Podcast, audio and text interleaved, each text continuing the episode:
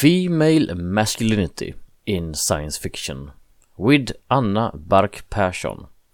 This lecture was recorded at Swecon 2019, Replicon in Västerås, Sweden.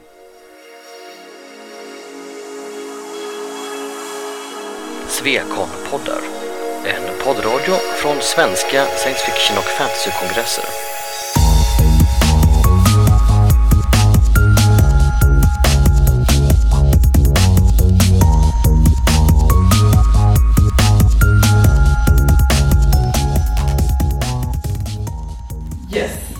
Uh, I'm here to present this, this talk on female masculinity and feminine science fiction called Out of the, the Meat and Into the Machine and Back Again, uh, which is based on my uh, master thesis in gender studies. Uh, when I'm at science fiction conventions, I'm a PhD candidate in gender studies.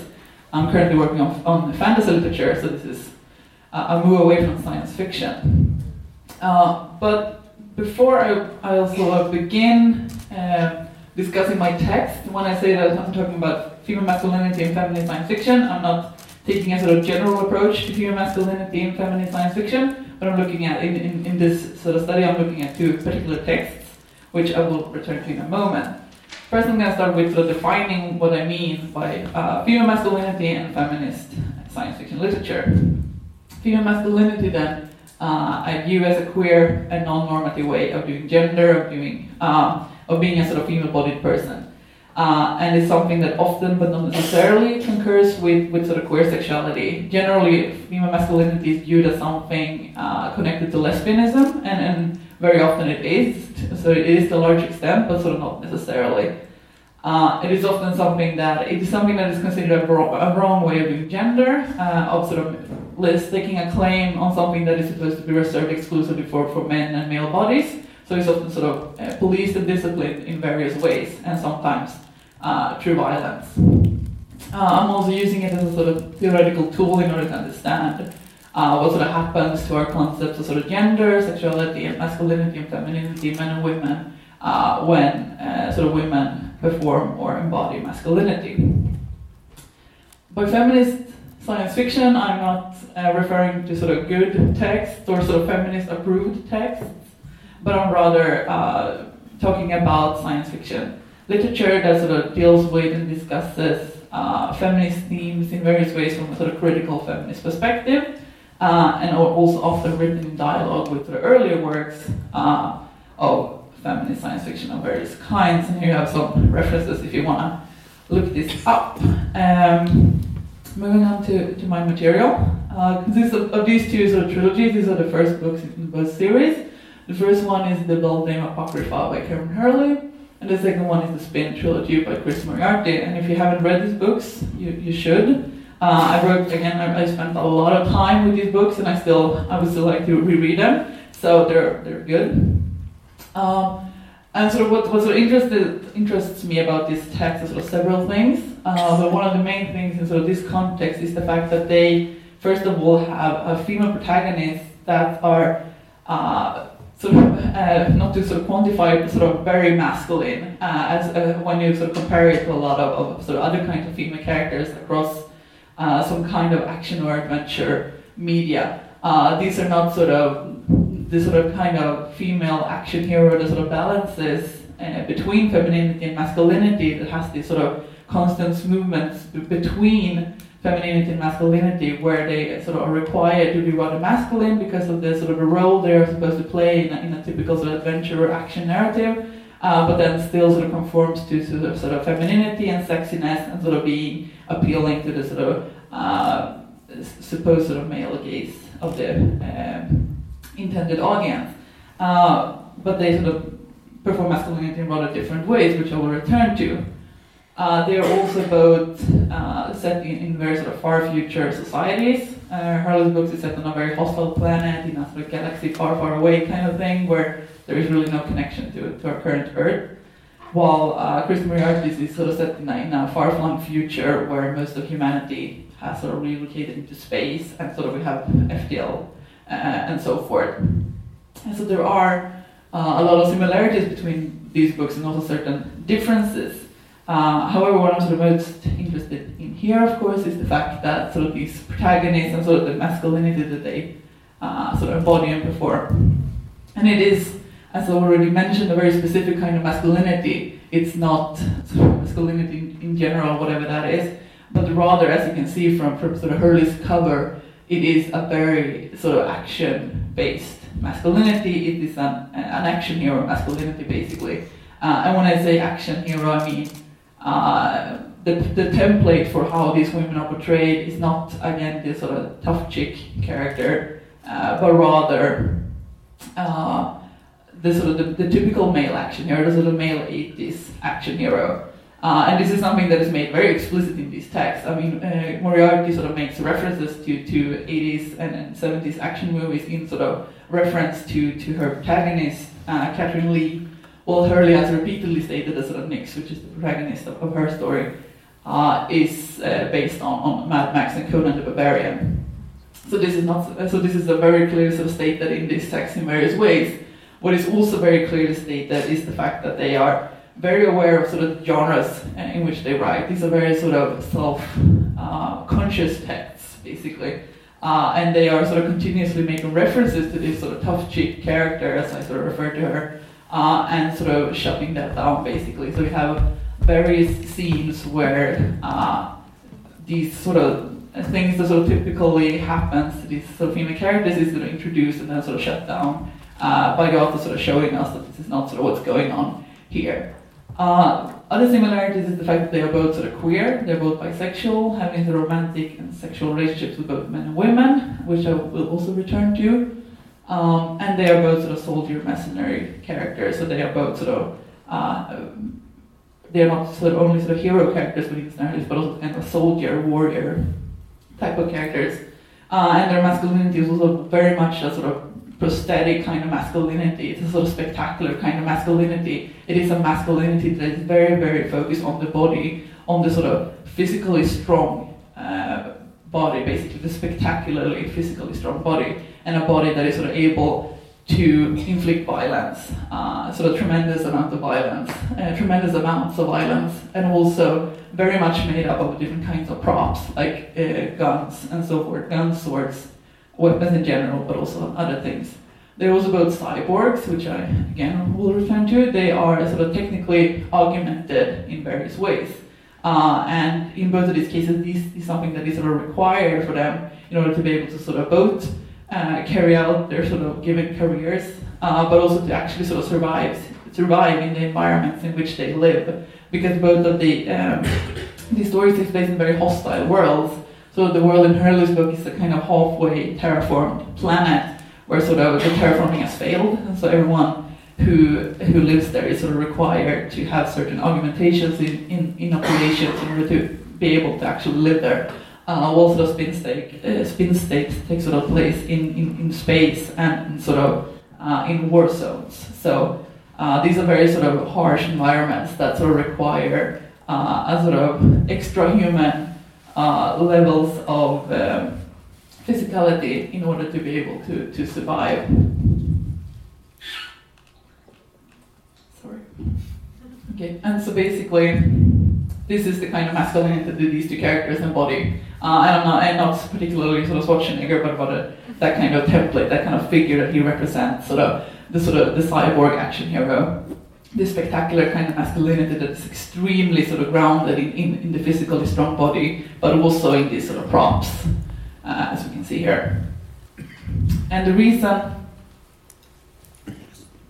why I'm interested in sort of looking at female masculinity in science fiction literature is because of the fact that, first of all, uh, there is, when you sort of look at sort of feminist criticism of, of the science fiction genre, there is, a, of course, a lot of discussion about the, the possibilities of the science fiction genre, how science fiction can allow us to, to represent uh, people in general, but especially often women, in ways that sort of go beyond our current societal norms, both when it comes to sort of gender, but also sexuality and so forth. Uh, so this is a very sort of central thing. At the same time, female masculinity is often something that becomes rather problematic for feminism. Uh, in a very similar way, sometimes the science fiction itself becomes sort of problematic um, because they are both sort of uh, forms of, of, of, sort of uh, they are both sort of uh, accused of being about sort of transcending the body, and a lot of sort of feminist science fiction authors are uh, sort of accused of uh, trying to sort of solve inequality and structural problems uh, through the help of technology rather than sort of solving actual uh, problems in society themselves. Um, and to some extent, that is of course true. There is a large part of, of the science fiction genre generally sort of written by, by men, by white men, uh, that is sort of very much the sort of, the sort of Western masculinist, Western dream of this sort of uh, body-mind economy where you can sort of divide these things and of you can sort of uh, transcend the flesh uh, into sort of purify the uh, existence of sort of pure rationality. There is, this is something that sort of reoccurs in a lot of science fiction. It's also something that is sort of problematized in a lot of science fiction. So it's not a, um, it's not a, a clear-cut uh, image, of course. Uh, and in a very sort of similar way, masculinity in women is also seen as something very unfeminist, something very sort of pathological, and a sort of false way to try and escape both the female body itself, but also patriarchal oppression. Uh, and often this is sort of viewed as something that is that is sort of traitorous, but also made at the expense of other women. So when women perform masculinity, they are sort of supposedly seeking power over other women, uh, sort of more feminine women, uh, generally.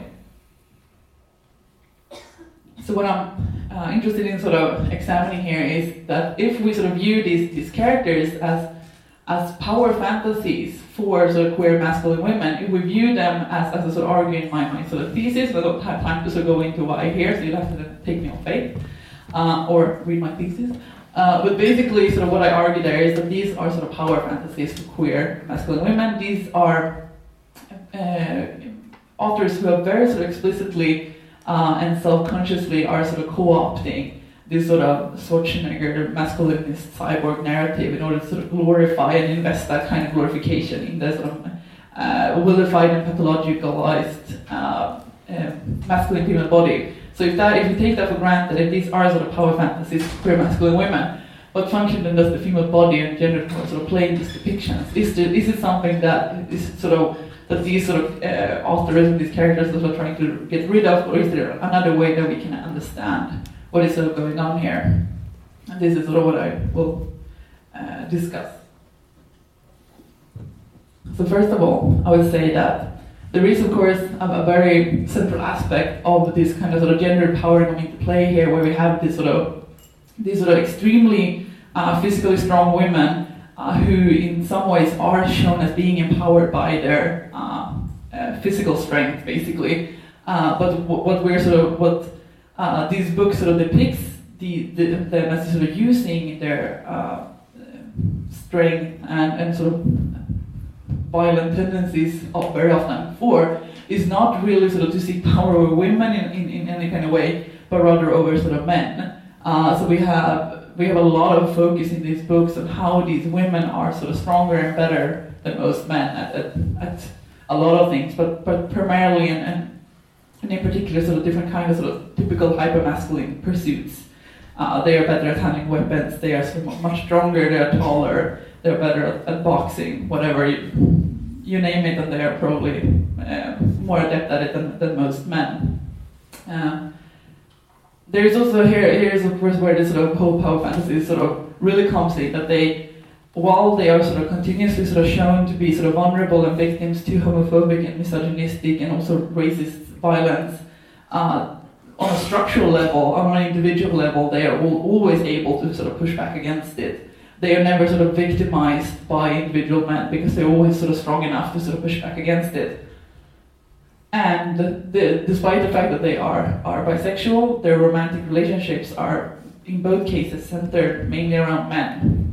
Uh, which I think is rather interesting because it also is something that sort of really breaks with how female masculinity in general is portrayed in our uh, popular culture outside of sort of genre, or sort of in more realist and, and um, self-biographical text, where sort of, of course the sort of main relationships uh, for these women are generally to other women.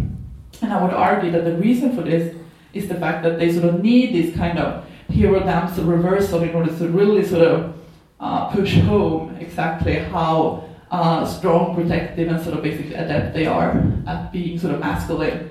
Because we have these sort of continuous sort of reversals where these men need to be sort of saved and protected by them in various ways.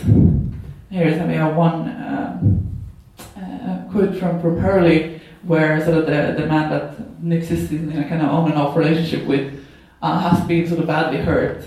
Uh, and he sort of lays on the ground damaged and sort of he, he hopes for her to come and he, he thinks that Nyx would come for them. She would pick him, up, pick him up in her strong arms and please God let her come back to me. So this is really not this kind of very sort of Wonder Woman, Chris Pine kind of dynamic where they are sort of equally strong but still very much in, in a very femininely connotated, masculinely connotated way, where we sort of have these sort of boundaries remain, but rather this is a complete overhaul. This is a complete reversal, and, and obviously a very sort of deliberate uh, reversal, I would say.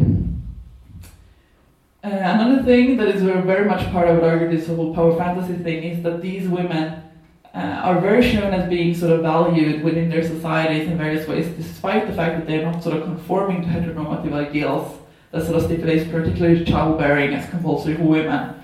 And this is something that is both treated in a kind of offhand manner and also very much sort of centered. For example, the first, the very first sort of line in the first book in Hurley series is, is this, uh, Nyx sold her womb somewhere on the edge of the desert.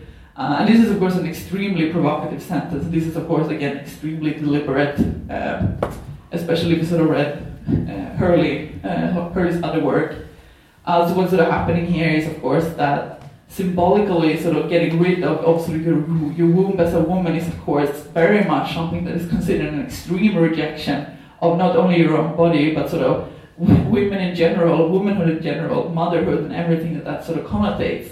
However, I would argue that sort of what Hurley is doing here is not saying that in order to be able to sort of be masculine or be this kind of hero character that she is, Nyx sort of needs to get rid of her womanhood but rather what she's doing is sort of symbolically getting rid of the demand that women, because of they because of they supposedly have certain body parts, need to use them in certain ways, sort of uh, in a sort of heteronormative manner through which sort of society, which is sort of how society sort of stipulates that women should uh, be embodied, understand their bodies, and sort of use their bodies.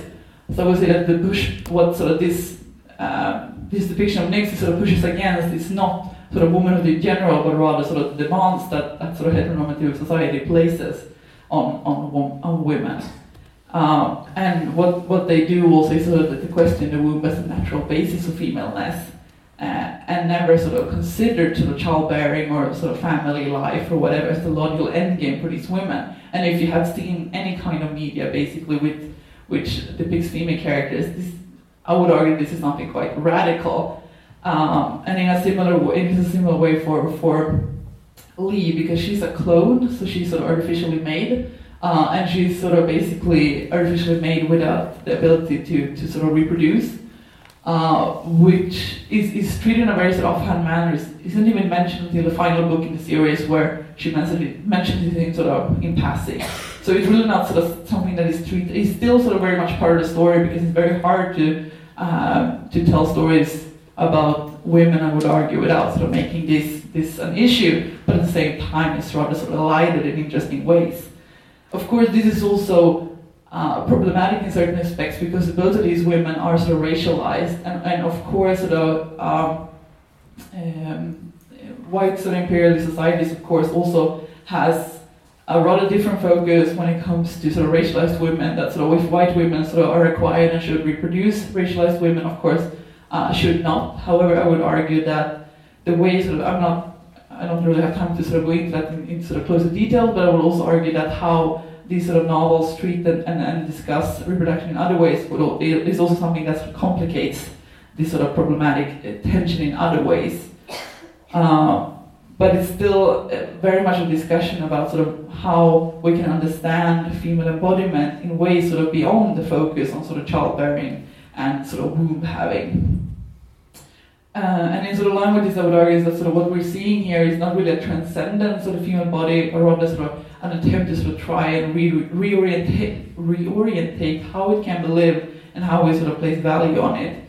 Uh, and what sort of happens here is that so this uh, take these sort of science fiction worlds and these sort of action narratives and these sort of depictions of these sort of masculine women uh, allows for depictions of women outside of the norm, uh, both through their own and other people's eyes. there are lots of scenes in these novels where sort of both men and women are attracted to them, not despite their masculinity, not despite the fact that they're sort of big and strong, but rather because of it. There are very few scenes, there are no scenes, I would argue, where uh, they in any way are understood as, sort of foundationally feminine, that sort of their masculinity is, is, is any kind of shell that sort of someone needs to, to sort of get uh, behind, but rather uh, what they're doing is sort of disregarding the idea of femininity as being sort of foundational in any way to the female body, and so by extension, masculinity to the male body. Uh, but rather, the sort of there is nothing that has happened to these women. Uh, they have not arrived at their sort of masculine way of, sort of orienting themselves and their gender expressions and, and embodiment and sexuality because of trauma. Um, they are not sort of monsters because of this. Uh, and, and so this is basically just the way they are and live, and this is not always easy for them for various reasons, but it's not something that sort of has happened to them or been inflicted upon them. Um, yes, and here we have some, some examples of this. Uh, and here we have sort of one of them, uh, the man that sort of Nyx has a sort of continuous kind of on-off uh, relationship with uh, through, throughout the trilogy, and this is, is sort of the first time he sees her, and, and she, he sees her in a boxing ring, and he thinks that it was the other woman that caught his attention. She stood in the near corner of the ring, and she turned as he entered. She was as tall as he was, broad in the shoulders, and heavy in the chest and hips. She put both her hands on the ropes and leaned forward, looking him straight in the face. The boldness of the look stopped him in his tracks. He didn't know if she wanted to cut him or kiss him. A broad smile lit up Nyx's face. It made her almost handsome. So you see how we have this again, these sort of reversals of how women are sort of usually portrayed in very deliberate ways. We also have this sort of interesting thing where, where Nyx's masculinity is very much again centered on the fact that she's sort of big and strong and tall and so forth. But we also have this sort of focus on the fact that she's not only sort of broad in the shoulders but also heavy in the chest and hips. So this is not really uh, a woman necessarily uh, being aligning herself with a sort of typical masculine ideal, uh, but rather sort of showing uh, a, a, very other kind of, of, a sort of way of sort of inhabiting a female body, or basically what a sort of strong and, and, and sort of well-trained female body looks like.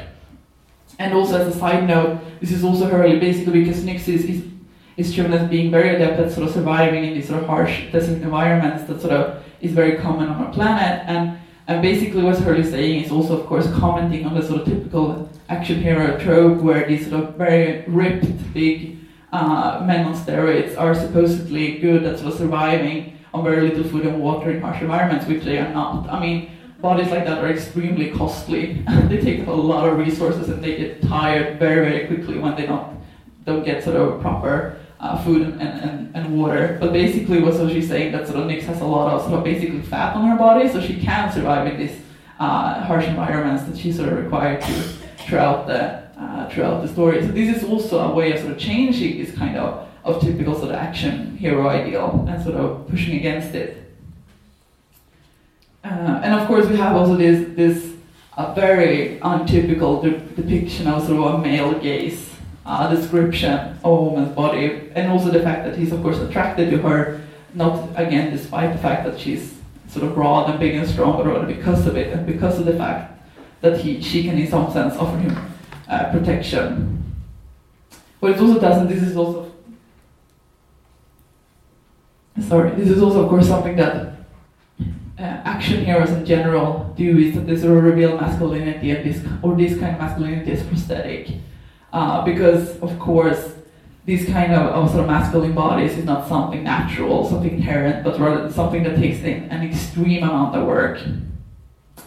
Um, and sort of what, what these kind of, of depictions of, of, of, action heroes are used for, according to feminist critics, is that they are used as a way to reinvest male power in the male body in a supposedly sort of post-feminist world where men supposedly have lost that power.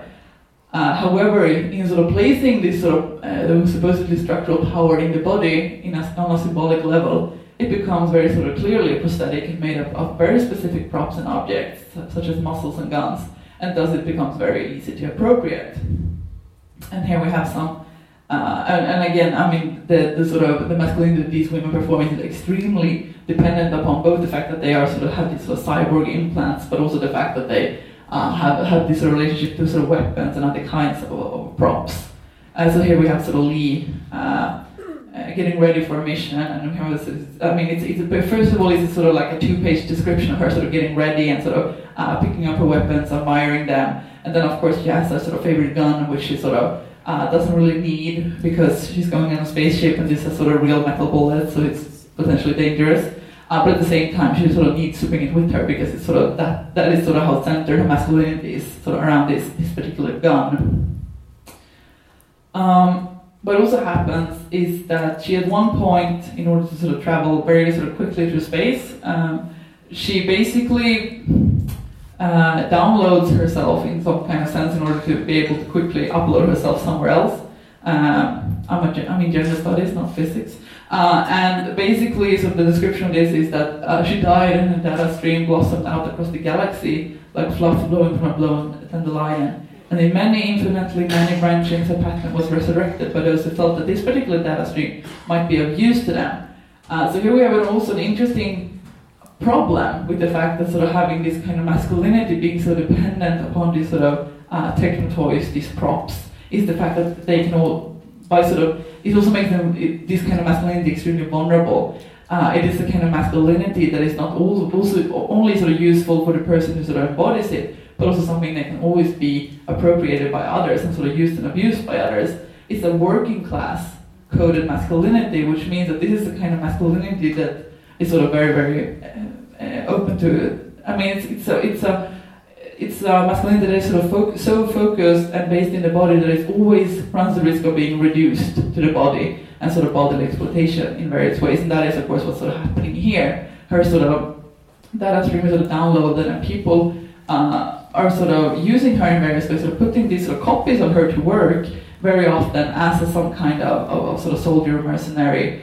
Uh, and they are also quite sort of abusive to these copies because why shouldn't they be? It's, it's, it's just sort of another body. Uh, and what's sort of interesting about this is that at one point we see her being downloaded on a ship eh, about to be sort of boarded by pirates, and they need sort of strong bodies in order to sort of push against these pirates. And so they, they sort of use her, her template or whatever and, and sort of downloads her.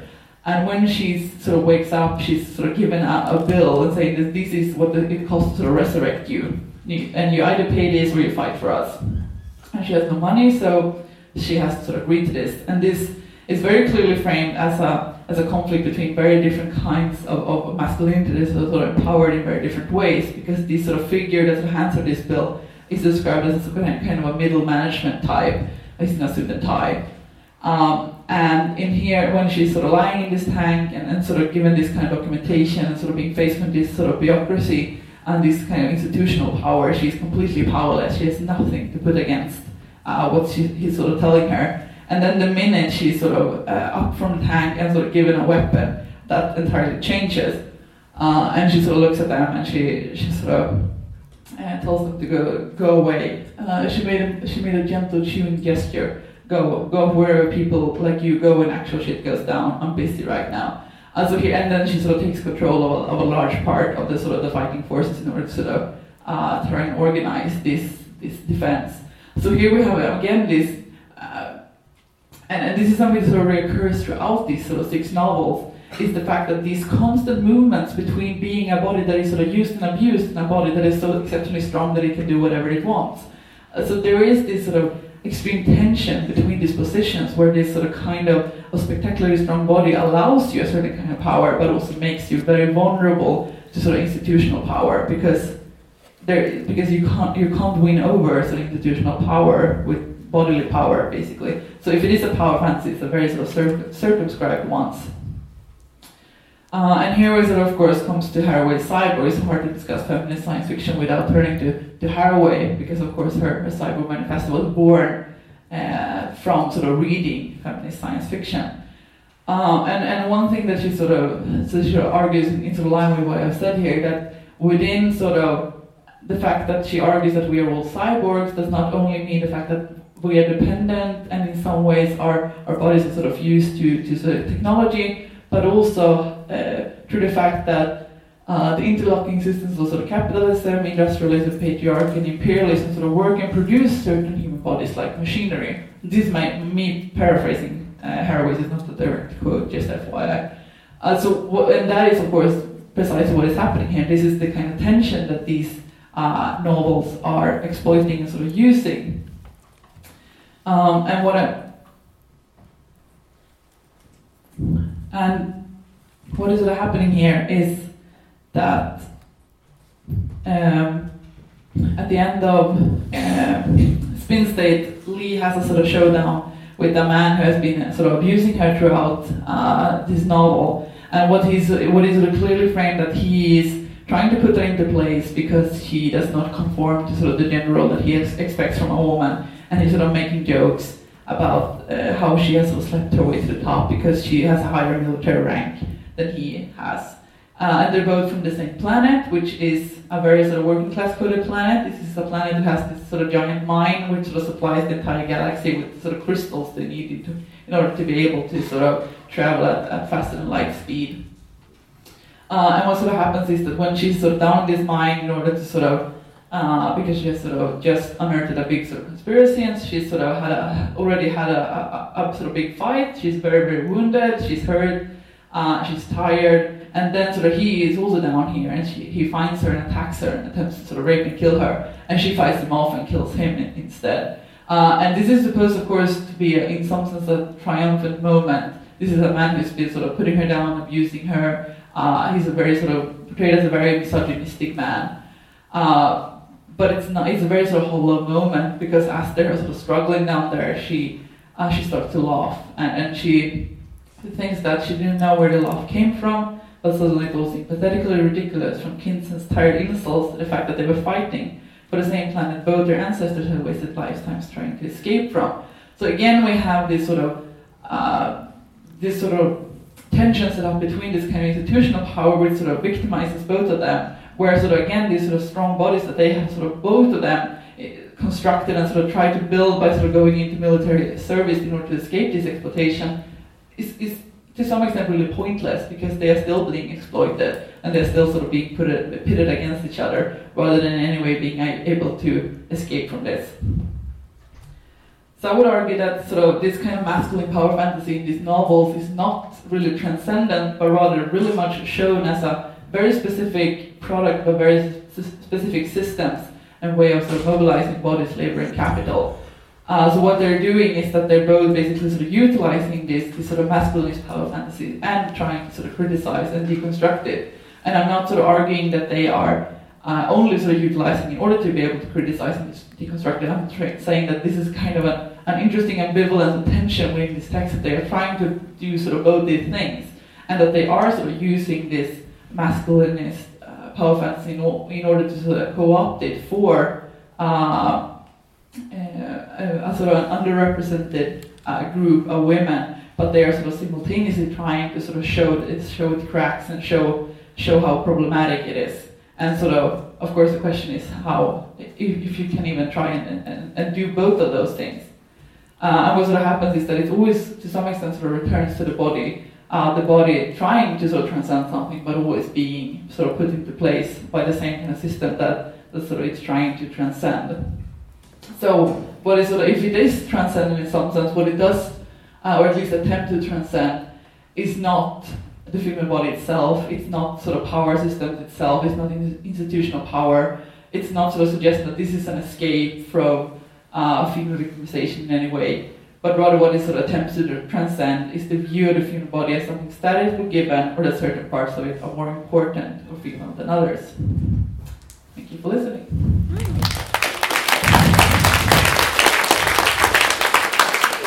Okay, we have five minutes for questions. Okay, yeah.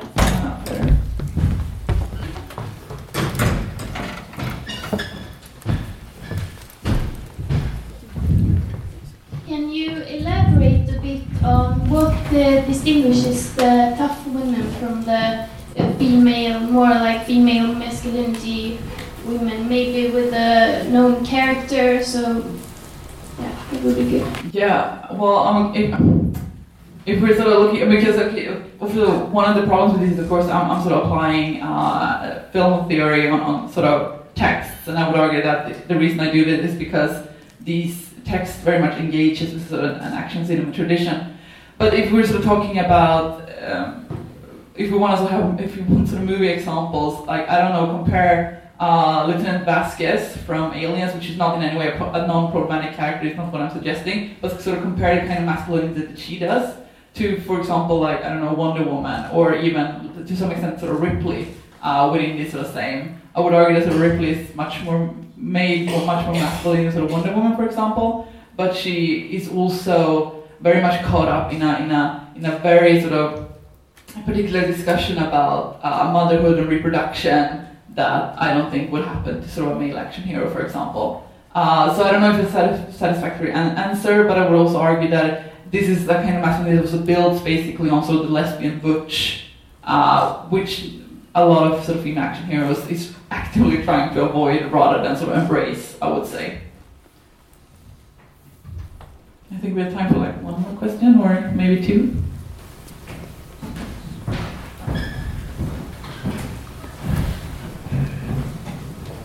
So, what's the difference between talking about this phenomenon as female masculinity and maybe talking about it as non binary gender? Yeah, uh, I think it's it's uh, it's hard to make a, a sort of clear cut definition. Uh, first of all, of course, this is, these are sort of representations, not actual women. So of course, I'm sort of making uh, readings of them that sort of uh, not necessarily is how they identify themselves in, in worlds that are completely different to ours. But I would also, also first of all say that sort of female masculinity is, of course, a way that a lot of women actually identify, uh, and and also again the, the boundaries between sort of women uh, or other people identifying with female masculinity and sort of gender non being sort of gender non-binary is also a very sort of fluid line. So of course, uh, it's not something clear cut and something easy to define. However, in these particular stories, I would argue that they are sort of actively um, sort of using this kind of supposed supposed disconnect between the female body and this kind of, of extreme masculinity in very obvious ways.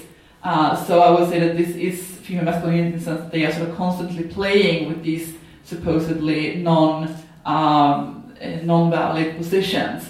Uh, but of course, it is a very valid question, and again, it's, it's extremely fluid. And I think that there is very possible ways to make sort of trans reading of these characters in, in very interesting and productive ways.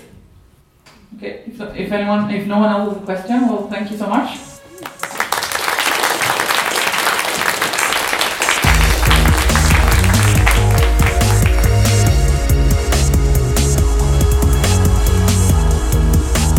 Musiken av Psychedelic Pedestrian från Free Music Archive.